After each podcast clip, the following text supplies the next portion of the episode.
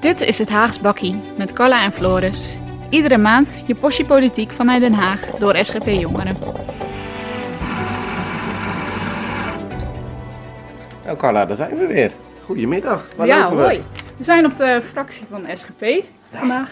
Ongelooflijk. En zijn we hier alleen of gaan we nog iemand ontmoeten? Of Ja, we zijn hier om eh, Kees van der Staaij te spreken. Want volgende week is het Koningsdag.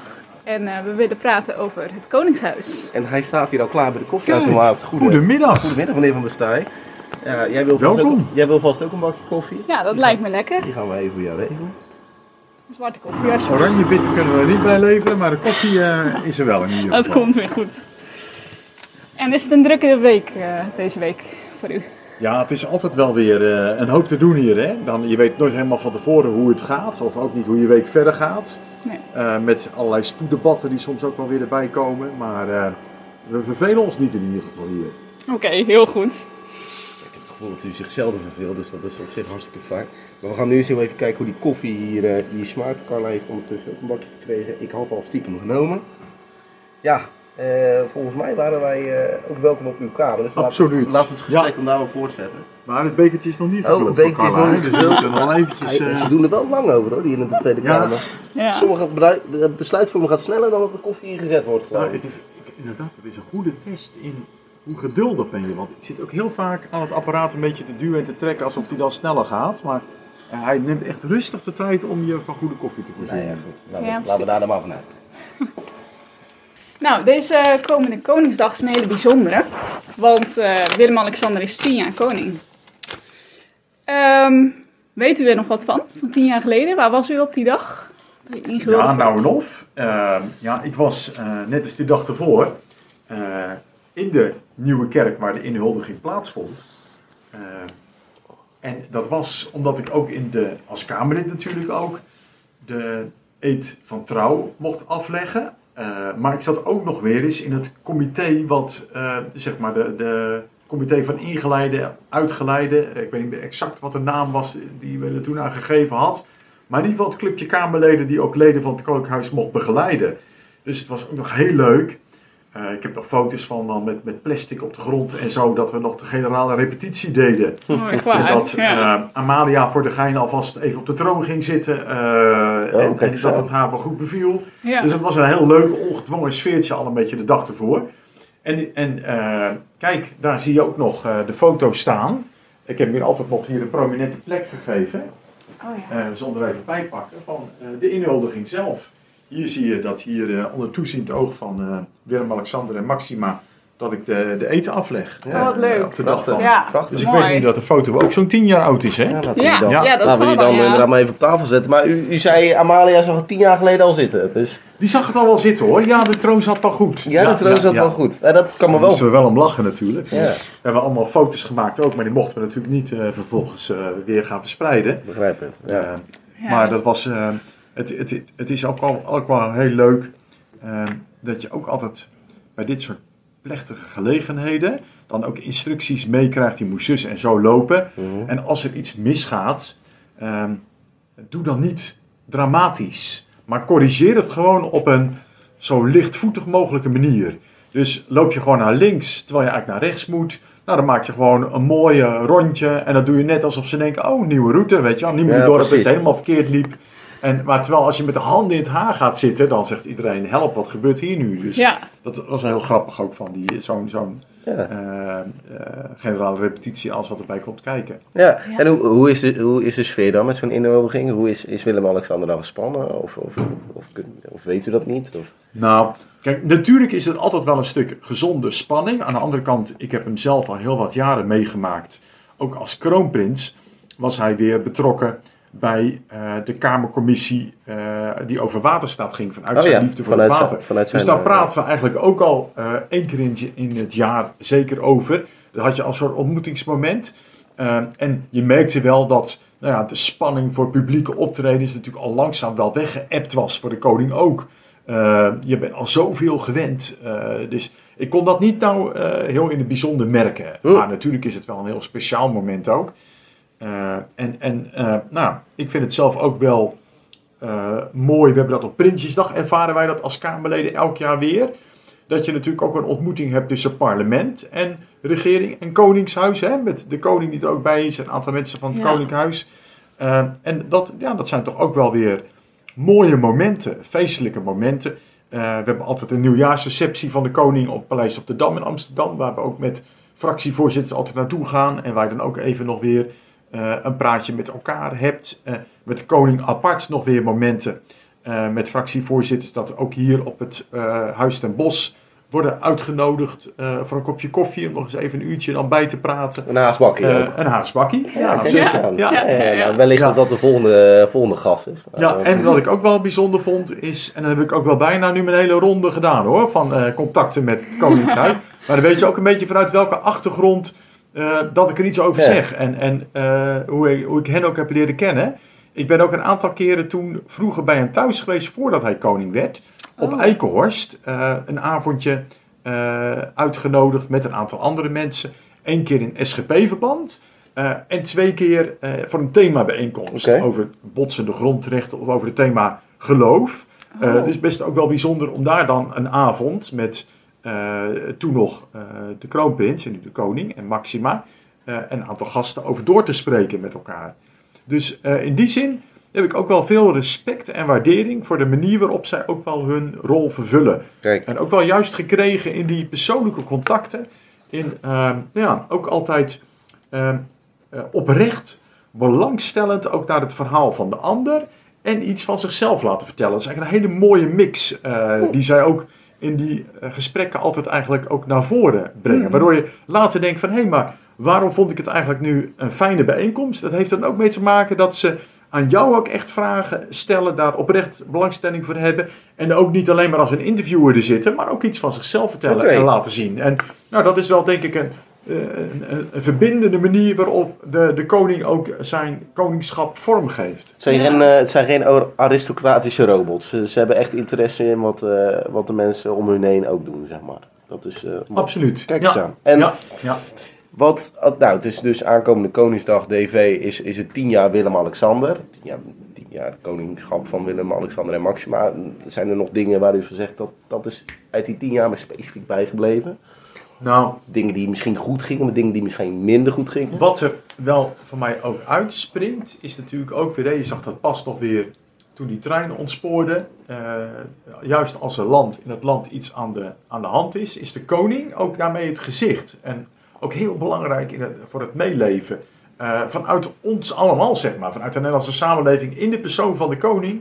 eh, dat is voor mensen van veel betekenis. Je zag dat ook in de coronatijd. Je zag dat ook bij de MH17. Ja. Juist ook, eh, en ik moest er ook wel eens op lachen, dat in de Kamer op de meest dramatische momenten de meest verstokte republikeinen dan eh, Femke Halsema ooit begon te roepen om de koning, zeg maar. Moet hij niet ook hier een rol in vervullen? Dus, dus kennelijk is er ook wel, hoe je ook denkt over het, de monarchie, toch ook wel een brede behoefte en waardering voor een samenbindend, partijen overstijgend eh, persoon. Vader Ja. des vaderlands. Alleen dan eh, een heel ver familielid. dan, zeg maar. Ja, nou inderdaad. Ja. Ja. maar kijk, je moet ook niet vergeten, eh, minister-presidenten zijn vaak, eh, Rutte is toch een VVD'er, zal ik maar zeggen, in de ogen van mensen is toch ook een partijman. Eh, ministers komen en gaan. Eh, En er blijft er één. maar een koning of Ja. een koningin zie je vaak een langere periode dat ook invulling geven. En ja, dat heeft natuurlijk toch ook wel weer eh, meerwaarde. En in die zin, je zei net, eh, gebruikt het woord aristocratie in een beetje een eh, kritische zin. Maar soms denk ik, ik vind het ergens ook wel een mooi aristocrati- aristocratisch trekje in ons staatsbestel. Dat, daar bedoel ik mee dat er een stuk wijsheid ook is, die niet te maken heeft met dat je nu gekozen bent en straks weer opnieuw herkozen moet worden, maar die te maken heeft met het feit eh, dat je gewoon een aantal jaren eh, achter elkaar op zo'n plek ook eh, positie inneemt. Dat je op allerlei manieren informatie krijgt, wekelijkse gesprekken met de minister-president, met ministers en zo hebt. En gewoon heel goed geïnformeerd bent over wat er leeft en speelt. Juist. Ja. En ehm, ja, mensen die gaan toch een beetje door de tijd heen, denk ik, een beetje anders naar het Koningshuis kijken. En denkt u dat het invloed heeft op de manier waarop Willem-Alexander koning is ten opzichte van zijn voorgangers, bijvoorbeeld? Ja, dat denk ik wel. Ik denk dat uh, het, het, het Koningshuis ook heel knap uh, meebeweegt met uh, de eisen van de tijd. Wat men ook verwacht. Kijk, bij koningin Beatrix heb ik ook nog een tijdje meegemaakt. Ook nog één keer op paleis geweest toen. In het kader van de coalitievorming, waar toen nog de koning, het staatshoofd, de koningin in dit geval, een rol in had. merkte je, dat was ook weer uit de tijd van, nou toch, zakelijkheid, uh, uh, inhoudelijke dossierkennis.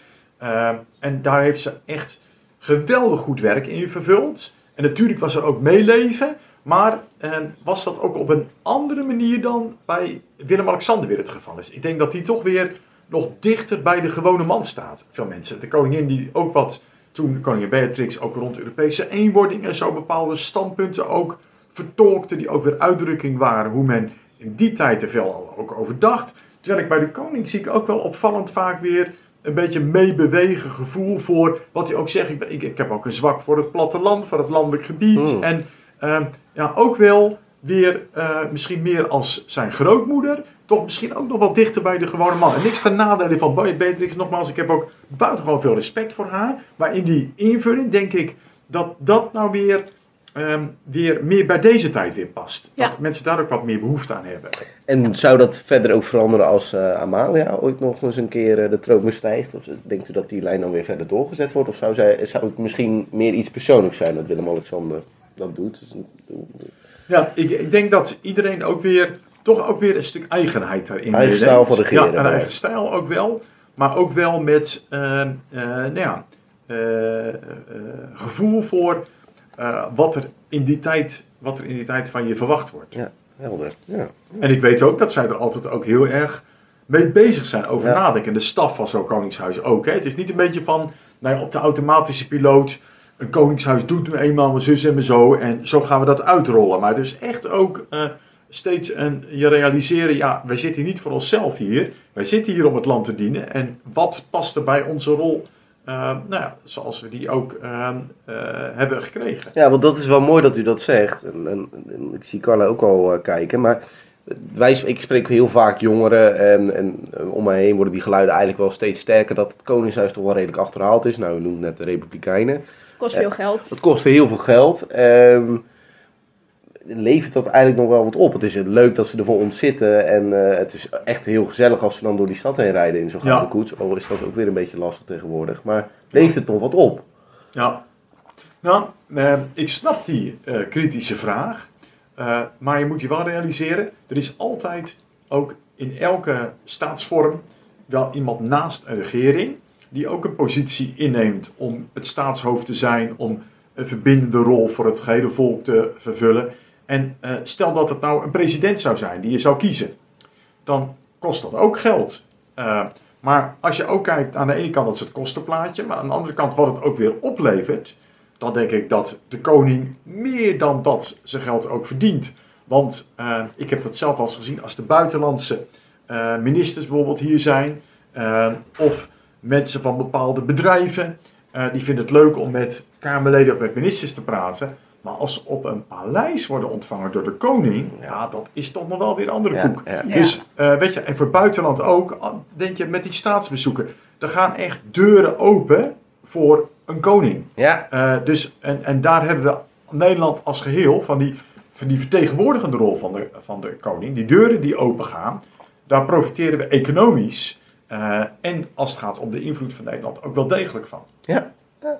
Duidelijk, mooi. Nou, ik denk dat onze tijd er alweer op zit. Ja, de koffie is op. Dus uh, moeten we bijpakken. Maar volgens mij zit u ook niet zo super dik in uw tijd. Hè? Er is genoeg te doen nog. Er is altijd genoeg te doen. Maar een goed gesprek, daar nemen we altijd graag de ah, tijd kijk, voor. Dus, uh, een prachtig antwoord. Toch houden we hem hierbij. Bedankt voor het gesprek. Graag gedaan. En, uh, wie weet, tot ziens. En ja. nog een fijne Koningsdag. En gaan jullie eigenlijk nog wat leuks doen op de Koningsdag? Wij gaan op Koningsdag zeker wat leuks doen. 100%. Ja, ik, weet, ik weet niet wat jij Oranje doet, Oranje tompoesen eten? Oranje tompoesen eten. En nou ja, al de zooi van de zolder natuurlijk verkopen. Hè. Dat, is, uh, dat, dat gebeurt altijd bij ons op Koningsdag. Maar ja. zit, u, zit u ook op een kleedje? Of, of is dat... Uh... Zit u op een kleedje? Ja, grappig. dat is toch wel lang geleden. Dat is toch wel lang geleden. Ja, nou ja, nee, maar ik ga, ga dat wel ergens op pad. Ook een beetje zo'n uh, een praterie of zo vind ik ook wel gezellig. Uh, en inderdaad een beetje de, de oranje tompoesjes en uh, eh, ja, je moet het een beetje kleur geven. Hè? En, Ja, en oranje is natuurlijk ook wel een eh, kleur die ons verbindt. Zo is het maar. Zeker. SGP en Koningshuis. En, eh, eh, dus nee, we gaan zeker ook eh, hopen dat het een mooie eh, dag is met... En een beetje een zonnetje. Ik hoop altijd wel dat het een beetje mooi weer is. Dat, ook, dat, Dat, eh, ja, dat is ook te hopen. Nou, laten we dan de, de luisteraars oproepen om allemaal oranje tompoes te eten. En op Koningsdag deze podcast nog een keer terug te luisteren. Zullen we daar dan maar mee afsluiten? Prima. Hartstikke bedankt. Tot ziens. Super. Beste. Dag. Bedankt.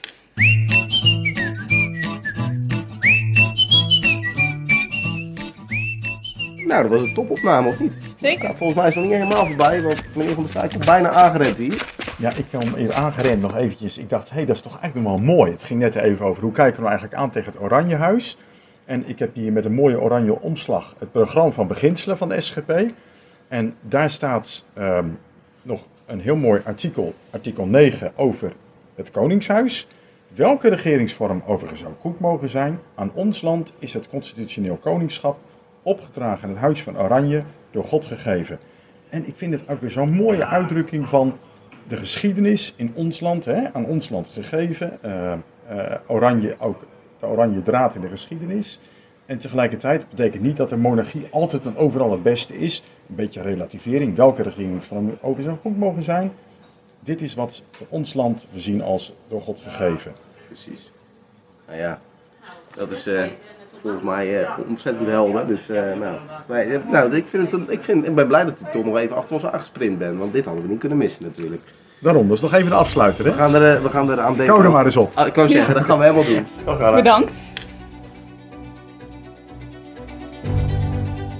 Dit was het Haags Bakkie, de podcast van SGP Jongeren.